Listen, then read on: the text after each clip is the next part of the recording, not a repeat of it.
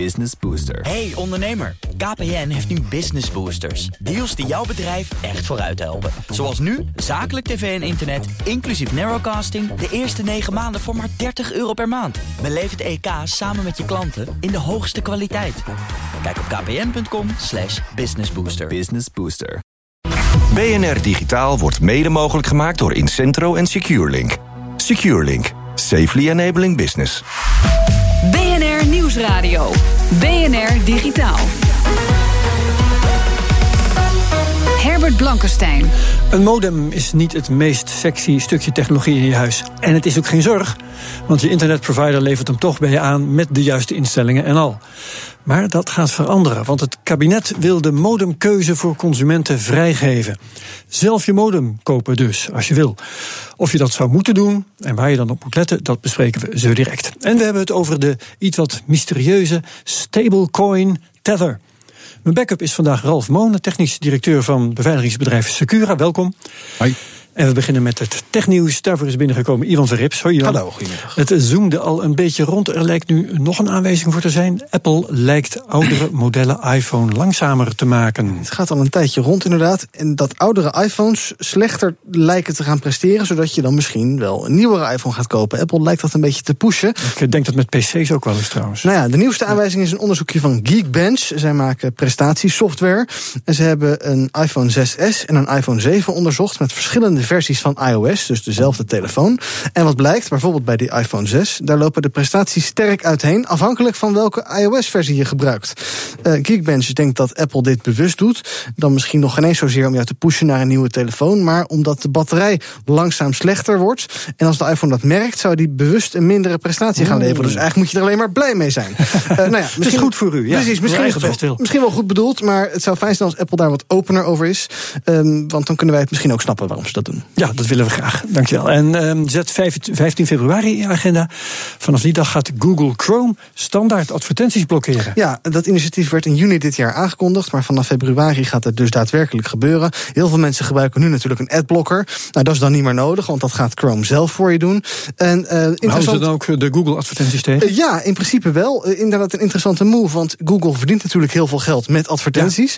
Ja. Um, maar goed, ja, als iedereen die advertenties gaat blokkeren... dan verdienen ze er ook weer niks aan. Dus ze gaan een beetje zelf in dat gat duiken. En uh, inderdaad, ook de advertenties van Google zelf. Tenzij, en daar komt hij, tenzij websites voldoen aan de Better Ads standards. Ah. Dus je, je, mag geen irritante reclames uitserveren. Geen uh, reclames die de hele pagina overnemen. Of allerlei knipperende banners of filmpjes die ongevraagd starten met geluid, bloedirritant. Waarmee uh, Google dus de politieagent wordt van uh, precies. onze advertenties. En als je ook maar één foute advertentie uitstuurt, dan worden gelijk al je advertenties geblokkeerd Paf. in de browser.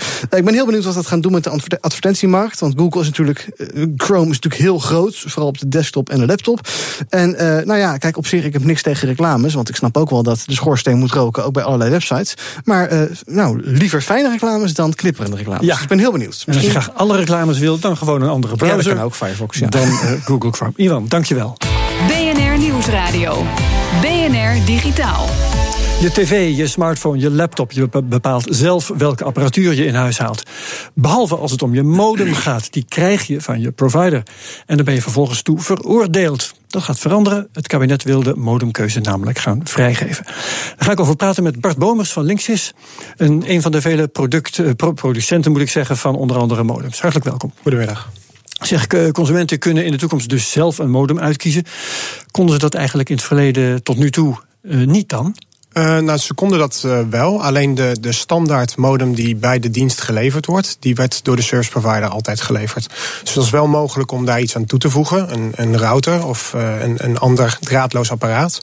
maar het, het apparaat om verbinding te maken met het netwerk werd altijd door de service provider geleverd. Ja, en waren mensen ook helemaal niet in staat om dat los te trekken en daar een ander apparaat voor in de plaats te hangen? Dat ligt heel erg aan de situatie. Sommige ja. uh, service providers hebben dat wel toegestaan. Uh, er zijn andere service providers die dat niet toestaan. Uh, die willen gewoon dat um, de consument uiteindelijk voor het apparaat kiest wat geleverd wordt bij de service. Ja, um, dus dat is heel erg verschillend per service provider. Kijk meteen even naar de andere kant van de tafel. Er zit Ralf Monen, die zo'n mannetje van staat op dit gebied. Ik kan me helemaal voorstellen dat jij al lang een eigen apparaat daar hebt hangen. Nee hoor, ik uh, oh. gebruik gewoon het ding uh, van de provider. Ja, ja, ik heb daarachter wel andere zaken. Maar uh, nee, ik heb zelf persoonlijk geen behoefte om. geen behoefte eigen... ook? Nee, nee, nee, nee, nee. Ik, ik ben prima tevreden met wat mijn provider mij levert. Um, maar ik kan me voorstellen dat er best wel mensen zijn die daar graag mee gaan spelen. En, en voor, voor allerlei diensten wat extra's ja. op hun modem slash router willen hebben draaien. Ja, ja ik ken wel dat soort mensen. Bart Bomers van Linksys, wat, wat kun je dan anders of meer wanneer je je eigen apparaat kunt uitzoeken? Nou, kijk, vandaag de dag is het zo dat het apparaat wat je van je service provider krijgt, um, is, is om verbinding te maken met het netwerk. Ja. Alleen um, de situaties waarin mensen het internet gebruiken thuis is heel erg verschillend. Je hebt mensen die uh, een twee-kamer appartement hebben en uh, misschien één laptop. Uh, dan is zo'n apparaat is prima om, om, om te gebruiken, om op het internet te gaan. er zijn alleen steeds meer verbonden apparaten in, in huizen. er zijn mensen die, die zijn met z'n vijven thuis, hebben meerdere kamers. Dus op het moment dat je zelf kan kiezen wat voor soort apparaat je gebruikt om dat internetsignaal te verspreiden in je huis, um, kan je ook voor een hogere kwaliteit hardware kiezen. En, maar dat kan nu toch ook al? Ik zet gewoon een extra switch erachter of een, uh, een extra wifi-router. Dat, dat, daar hoef ik niet het hele apparaat voor te vervangen. Dat klopt, ja. Het is nu mogelijk om bijvoorbeeld een, een, een, een hardware die je krijgt van een service provider te gebruiken puur voor de verbinding. Maar um, we zien in de praktijk dat heel veel mensen, omdat het netwerk aanstaat, er zit een, er zit een, eh, een, eh, security code op, dat mensen verbinding maken met dat specifieke netwerk. Waardoor je eigenlijk dus niet uh, ja, de beste ervaring krijgt op het moment dat je heel erg veel verwacht van je, van je internetverbinding. Als je bijvoorbeeld Netflix streamt of met meerdere gebruikers dat tegelijk doet, ja, dan is het niet altijd mogelijk om dat te doen via het apparaat wat de service provider levert. Dus dan zul je altijd iets daarachter moeten. Ja, beluister ik goed dat dit, uh, ligt ook wel voor de hand, vooral iets is voor eh, zeer veel eisende gebruikers? Um, nee, ik denk dat, dat in deze tijd, um, als je dat vijf of tien jaar geleden had bekeken, dan, dan is dat zeker waar. Alleen we zien nu dat applicaties zoals Netflix is uh, gemeengoed. Iedereen uh, gebruikt dat, zeker in HD. Om dat als voorbeeld te nemen, als je meerdere gebruikers hebt in je huis die dat doen, ja, dan heb je gewoon hardware nodig die dat kan ondersteunen, die die snelheid kan ondersteunen. En dat is niet altijd het geval met hardware die geleverd wordt door een service provider. Ja, en kunnen de internetproviders het aan als allerlei uh, van hun klanten met hun eigen apparatuur daar aan het netwerk hangen? Want ze zullen maar de helpdesk bellen en zeggen: er is iets mis en het ligt aan jullie. En dan kijkt de internetprovider, de helpdesk, die kijkt wat er voor apparatuur staat, komen ze spullen tegen die ze niet kennen. Ja, ja, dat is ook absoluut uh, iets waar we rekening mee moeten houden. Um, het is natuurlijk zo dat iedere um, um, fabrikant van uh, netwerkapparatuur uh, kan ook support leveren. Um, dat, wij van Linksys doen dat ook naar onze eigen klanten uiteraard. Um, maar dat is zeker wel iets wat, uh, waar we rekening mee moeten houden met de implementatie van deze wet. Um, als het zo is dat uh, alles en iedereen op dat netwerk terecht kan komen, uh, dan zal dat wel moeten gaan volgens ver, hele specifieke protocollen. En het zal um, zeker heel goed uitgedacht moeten zijn, omdat anders een service provider daar zeker niet ja, mee om zal. Dat die helpdesk dus altijd een standaard situatie tegenkomt, ja. ongeacht het merk. Ja. Zeg maar, Ralf, um, we horen eens in de zoveel tijd van, van allerlei gehack. ja apparatuur die bij consumenten staat, die niet goed, is beveiligd. Ja. Gaat dit extra risico's opleveren, denk jij? Ja, vrijwel zeker. Ja? Ja, kijk, Wat voor je zult, nou, je zult altijd een groep mensen hebben die voor het goedkoopste van het goedkoopste gaan. En als er één ding is wat we weten bij IoT-devices, wat ja, IoT, ja, Internet, ja, internet of Things, maar ja, ja. in principe gewoon consumentenelektronica die aan internet verbonden is. Eh, weten dat als het goedkoop is, is het eigenlijk vrijwel altijd brak. Dus ja. Nou ja, een gegeven de keus tussen een, een, een mooie Linksys of een, een, een ander merk van 100, 200 euro of eentje van Alibaba van 9 euro, ja. inclusief verzendkosten. Maar wat Bart Bomers nu net zegt, dat kan ik eigenlijk vertalen als... het mag niet brak zijn, hè? het moet aan goede voorschriften en protocollen voldoen. Nou, nee, dat is niet gezegd. Kijk, als nee? het, nee, want als het een DOCSIS-modem is wat gewoon kan praten met het netwerk... Dan, dan zou het dus al aangesloten kunnen worden. Maar dat betekent niet dat het veilig is.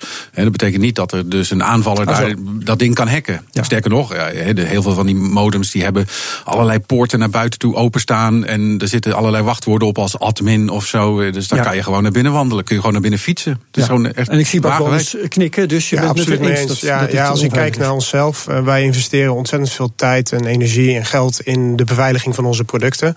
Um, en dat gaat zeker verder dan alleen het protocol om verbinding te maken met het internet. Uh, dat gaat over de, de draadloze uh, veiligheid en dergelijke. En daar ben ik het absoluut mee eens. dat is voor ieder merk anders. Wij investeren heel veel geld daarin. maar er zullen zeker partijen zijn die dat niet doen. En dat is een, dat is een potentieel gevaar hiervoor. Ja. Het gaat nu om voornemen van het kabinet. als dat voornemen inderdaad wet wordt, wat staat jullie dan te doen als linkses? Nou, wij zullen uh, moeten kijken naar onze eigen productportfolio. Om, te, uh, om ervoor te zorgen. We hebben heel veel van dit soort producten beschikbaar wereldwijd. Um, om te kijken wat, wat, is, uh, wat werkt in Nederland. Wat werkt met de Ziggo's en de KPN's. welke protocollen worden daar gebruikt. en we zullen moeten kijken um, hoe die wet daadwerkelijk wordt uitgevoerd. Ja. En of de service provider um, ja, die verbinding ook open gaat zetten. Want dat is natuurlijk wel heel belangrijk. We kunnen wel een technisch compatible nou ja, product maken dat moeten doen, dan moeten ze dat ja, doen. Ja, dan zullen ze dat moeten doen. Dus dat, uh, dat is iets waar en wij. verwachten jullie dan heel veel verkoop? Want ik denk nog steeds, de meeste mensen kiezen de makkelijkste weg en zeggen tegen de provider: hang maar op wat je, wat je hebt. Ik denk dat heel veel mensen uh, steeds meer in de problemen komen met hun draadloze netwerk thuis. Uh, we zien dat uit onderzoek, we zien dat in feedback die wij krijgen van klanten. Dus ik verwacht als die mogelijkheid er is om direct te upgraden uh, en een betere verbinding te krijgen, dat, dat wij daar zeker de voordelen van gaan zien. Ja. Oké, bedankt Bart Bomers van Linksys. En je kunt trouwens je mening geven hierover op internetconsultatie.nl. Zometeen hoor je hoe een grote autofabrikant exoskeletten gebruikt om te zorgen dat de medewerkers minder lichamelijke klachten hebben. BNR Nieuwsradio. BNR Digitaal. BNR Digitaal presenteren, dat is niet echt fysiek zwaar werk. Maar straten leggen, in een magazijn werken of auto's in elkaar zetten, dat kan een flinke inspanning zijn. Gelukkig is daar het exoskelet. Lauren Good van The Verge ging langs bij Ford. Redacteur Ivan Vrips bekeek het verslag.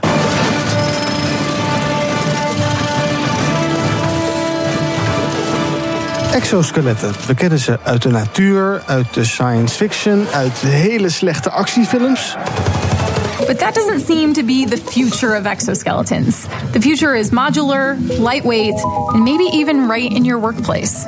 Good is de gast bij Ford in Michigan. Daar werken 3500 mensen. One of those workers stands out.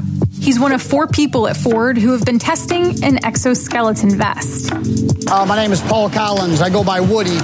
What I do most of the day is I work over my head. So, how many times a day are you lifting your arm? Oh, I, that I couldn't tell you. I don't know. I lift my arms probably seven or eight times on each vehicle. So, times that by 615. And it's a lot. Paul gebruikt een exoskelet bij zijn werk. Als Paul zijn armen omhoog brengt, worden zijn spieren niet belast. As I come up here, as soon as I right now, right now, it's lifting my arms. So as I'm right now, my muscles aren't holding my arms up at all. It's all the vest. Het was wel even wennen werken met zo'n vest, maar it pays off. The energy level I have now versus what I had before is is 100% different. Now that when I go home at, day, at night, my, my wife says, let's go somewhere, I jump up, get in the shower. I have uh, more energy to do things around the house. My grandkids come over, I can play with them.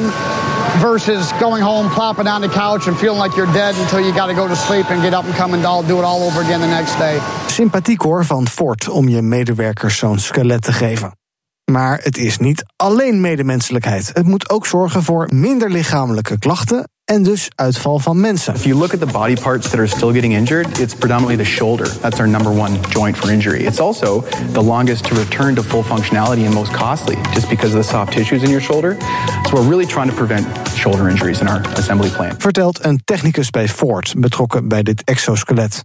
Ook Good probeert het exoskelet dat ongeveer 6500 dollar kost ze tilt een zwaar gereedschap op met het skelet aan. Yeah, it really doesn't feel like I'm carrying nine extra pounds. I think I felt worse after Thanksgiving dinner than I feel right now. That's probably 11 or 12 extra pounds if you eat like I do. Speak for yourself. Een verlichting dus voor zware beroepen. Wil je het hele filmpje van The Verge bekijken met meer voorbeelden, onder andere uit de medische wereld? Het is straks te vinden op bnr.nl/slash digitaal. BNR Nieuwsradio. Herbert Blankenstein. De bitcoin slingert maar heen en weer. Werd dit weekend de 20.000 dollar nog aangetikt. Halverwege de week was het alweer bijna 4.000 dollar minder. Maar er is ook een munt, de Tether, waarvan één tether altijd 1 dollar waard is. Dat noem je een stablecoin. Maar die is niet onomstreden. Daar ga ik over praten met Boris van der Ven. Je kent hem van GameKings, maar hij is ook cryptofanaat. En weet een hoop van dit soort dingen. even kort, Boris. Um, één tether is 1 dollar. Waarom? Waarom bestaat die munt? niet altijd. Het, oh, nee? het, het, het, het, het, het, het schommelt een klein beetje tussen 80 cent en 1 dollar 10, zoiets. Oh, dan moet je bij een valutadeskundige wezen. Die krijg je daar helemaal het zuur van. Maar goed. Uh, Inderdaad, ja. Nou goed, er is een uh, wat bedrijf. de tether? Waar, ja. De, ja, de tether is in feite een, een, een cryptocoin. en de maker van tether, de eigenaar van tether zegt... voor elke tether die er is, hebben wij 1 dollar op een bankrekening staan... of in een kluis in huis. in huis. en dat geeft eigenlijk de tether de waarde van 1 dollar. Maar wat is de functie daarvan? dat is handig, omdat er veel exchanges zijn... waar je cryptovaluta kunt verhandelen... waar bijvoorbeeld niet een fiat bankrekening aan gekoppeld zit. Dus stel je voor dat je ziet een crash aankomen van jouw favoriete cryptocoin. Je wil er even uitstappen naar een stabiel platform. Dan kun je dat naar Tether doen. Um, en als dan de crash voorbij is, kun je weer uh, voor een lager bedrag je coin als je terugkopen. Plus win 20% stabiel genoeg vindt. Maar oké, okay, dat uh, nou ja, goed, inderdaad. kan relatief heel stabiel zijn. Nee, je ziet het als bitcoin crasht, dan gaat de prijs van Tether gaat ietsje omhoog. Omdat iedereen uh, Tether wil kopen. Maar het ah, scheelt ja. zo weinig in verhouding met de gigantische prijsstijgingen en dalingen die je bij andere cryptocurrency, dat het eigenlijk niet opvalt. Ja, nou, maar je, kunt, je kunt nooit je geld terugkrijgen voor tethers. Uh, ze zeggen dat dat kan, maar er zijn geen voorbeelden van mensen die dat ooit gedaan hebben. Nee, er staat bovendien in de voorwaarden dat ze, ze zeggen dat je er geen, geen dollars voor terug kunt krijgen. Dus je kan wel ruilen voor bitcoin weer, maar... Correct, ja. Ja, ja en andere coins. Ja, dat is het uh, grote probleem uh, bij Tether. Er is een heel groot vraagteken.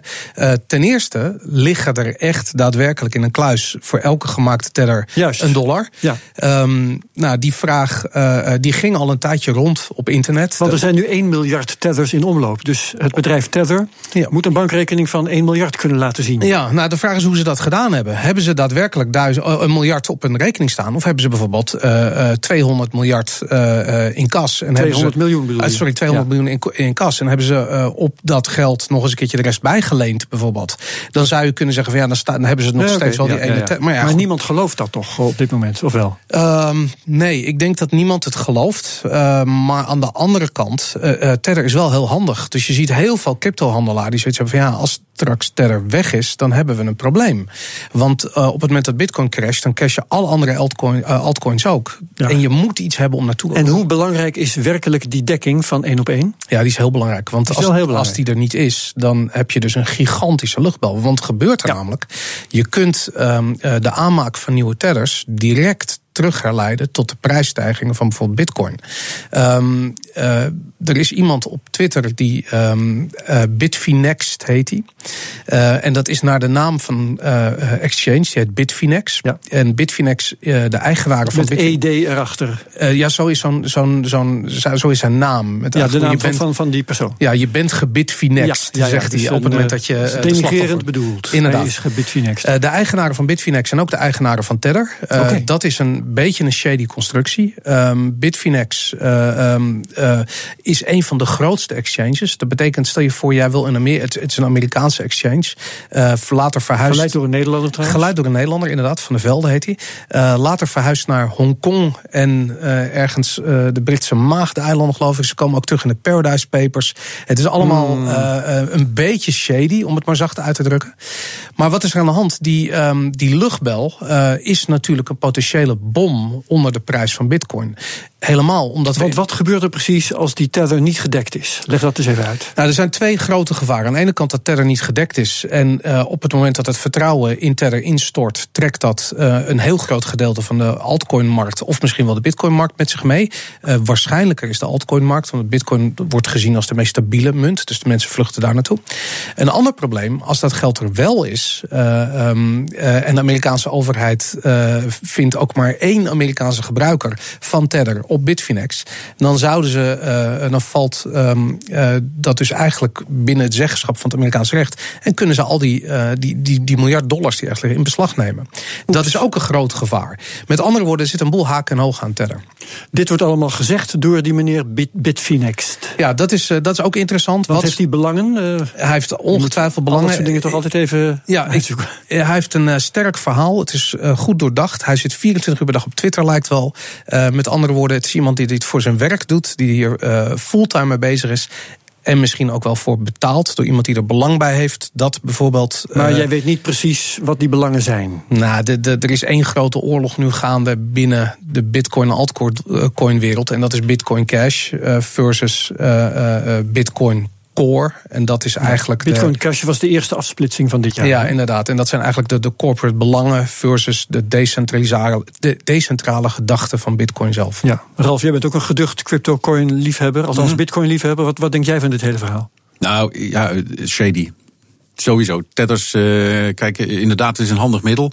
Maar het feit dat ze dus al verschillende keren hebben gezegd dat ze toestemmen in een audit, maar die komt er maar niet dus uh, zo moeilijk is het niet om aan te tonen dat je dat geld hebt. Ik bedoel, dat is eh, wel zo, hè? Want het, zij, zij hebben grote moeite om een bedrijf te vinden uh, die zijn naam wil lenen aan een audit van cryptocurrencies. Oh, wow. Vooral omdat in Amerika het, het mhm. imago van cryptocurrencies nog heel erg moeilijk dat, is. Dat is moeilijk. Dus als jij een heel gerenommeerde financiële instelling bent, ga je echt niet je, je, je, je, naam verlenen voor een audit van Bitfinex. Nou, daar, daar zit wel wat in. Maar aan de andere kant, ik bedoel, Bitfinex is een, een vrij grote exchange. Ik bedoel, dus, geloof volgens mij de, de, de één of twee uh, grote exchanges in, in, de wereld. Tweede, tweede grootste. Tweede grootste, ja. En ehm het is als zodanig dus ook een miljoenenbedrijf. Nou, daar moet wel iemand voor te vinden zijn hoor, die dat, uh, die dat kan en wil. En ze kunnen natuurlijk zelf ook openheid van zaken geven. Hè. Ik bedoel, ja. ja. dat het dan geaudit is door een accountant, dat zou dus mooi zijn. Maar ze geven zelf ook geen openheid. En ze brengen nu elke paar dagen weer 50 of 100 miljoen van die tellers uit. Dat kun je gewoon volgen. Ja. Um, yeah, shady. Maar er is wel een reden waarom ze um, uh, dat doen. Zij zeggen zelf: wij krijgen nieuwe klanten. Die klanten maken fiat over. Uh, zij hebben geen officiële bankrekening. Uh, zij verkopen eigenlijk Tether aan die klanten. En met die, met die Tether wordt Bitcoin gekocht. Dus er zit wel, komt wel degelijk dollars dat binnen. Ze, ja, dat ja, klopt. Dat ja. is hun verhaal. Ja, dat, Heel kort hoe dit volgens jou gaat aflopen. ik denk dat we hier niks meer van gaan horen. ik denk dat het nou, met de sisser afloopt. Ja. Als dat gebeurt, dan vragen we jou om dat nog een keertje goed toe te lichten. Dankjewel, Boris van de Ven van GameKings. Graag gedaan. Tot zover BNR Digitaal uh, van nu. Ralf Molen was mijn backup. Maar we gaan je niet laten gaan voordat we je bijpraten over de wereld van digitaal geld. De bedenker van de Litecoin, Charlie Lee, heeft al zijn Litecoins verkocht. Litecoin is een munt die technisch op de Bitcoin lijkt, maar die snellere en goedkopere transacties mogelijk maakt. Bitcoin heeft juist last van het tegenovergestelde en de voordelen van Litecoin hebben geleid tot een waardetoename van 75 keer dit jaar. Al wordt Litecoin nog niet veel geaccepteerd als betaalmiddel. Lee geeft vaak commentaar op sociale media en krijgt dan te horen dat hij een belangenconflict heeft door zijn bezittingen dat is nu verleden tijd. Hij had ook kunnen besluiten verder zijn mond te houden, maar cashen was blijkbaar de minste van twee kwaden. Hoeveel zijn Litecoins waard waren, heeft hij niet verteld, maar de markt is de laatste dagen niet ingestort. De Litecoin staat op dit moment ruim boven de 300 dollar. Nog even naar de redactievloer. Rob Jansen, we doen de Bitcoin en de Ethereum op dit moment. De bitcoin staat op 17.489 dollar en 80 cent. Dat is 3,5% meer dan een week geleden. En uh, Ethereum staat op uh, 828 dollar 33. En dat is een plus van 20,3 procent vergeleken met een week geleden. Nog altijd weer een verrassing vergeleken met een half uur geleden toen ik de studio inging. Dankjewel Rob Jansen. En iedereen bedankt voor de aandacht en graag tot volgende week. BNR Digitaal wordt mede mogelijk gemaakt door SecureLink en Incentro, een IT-bedrijf. Hardlopen, dat is goed voor je. En Nationale Nederlanden helpt je daar graag bij. Bijvoorbeeld met onze digitale NN Running Coach... die antwoord geeft op al je hardloopvragen. Dus, kom ook in beweging. Onze support heb je. Kijk op nn.nl slash hardlopen.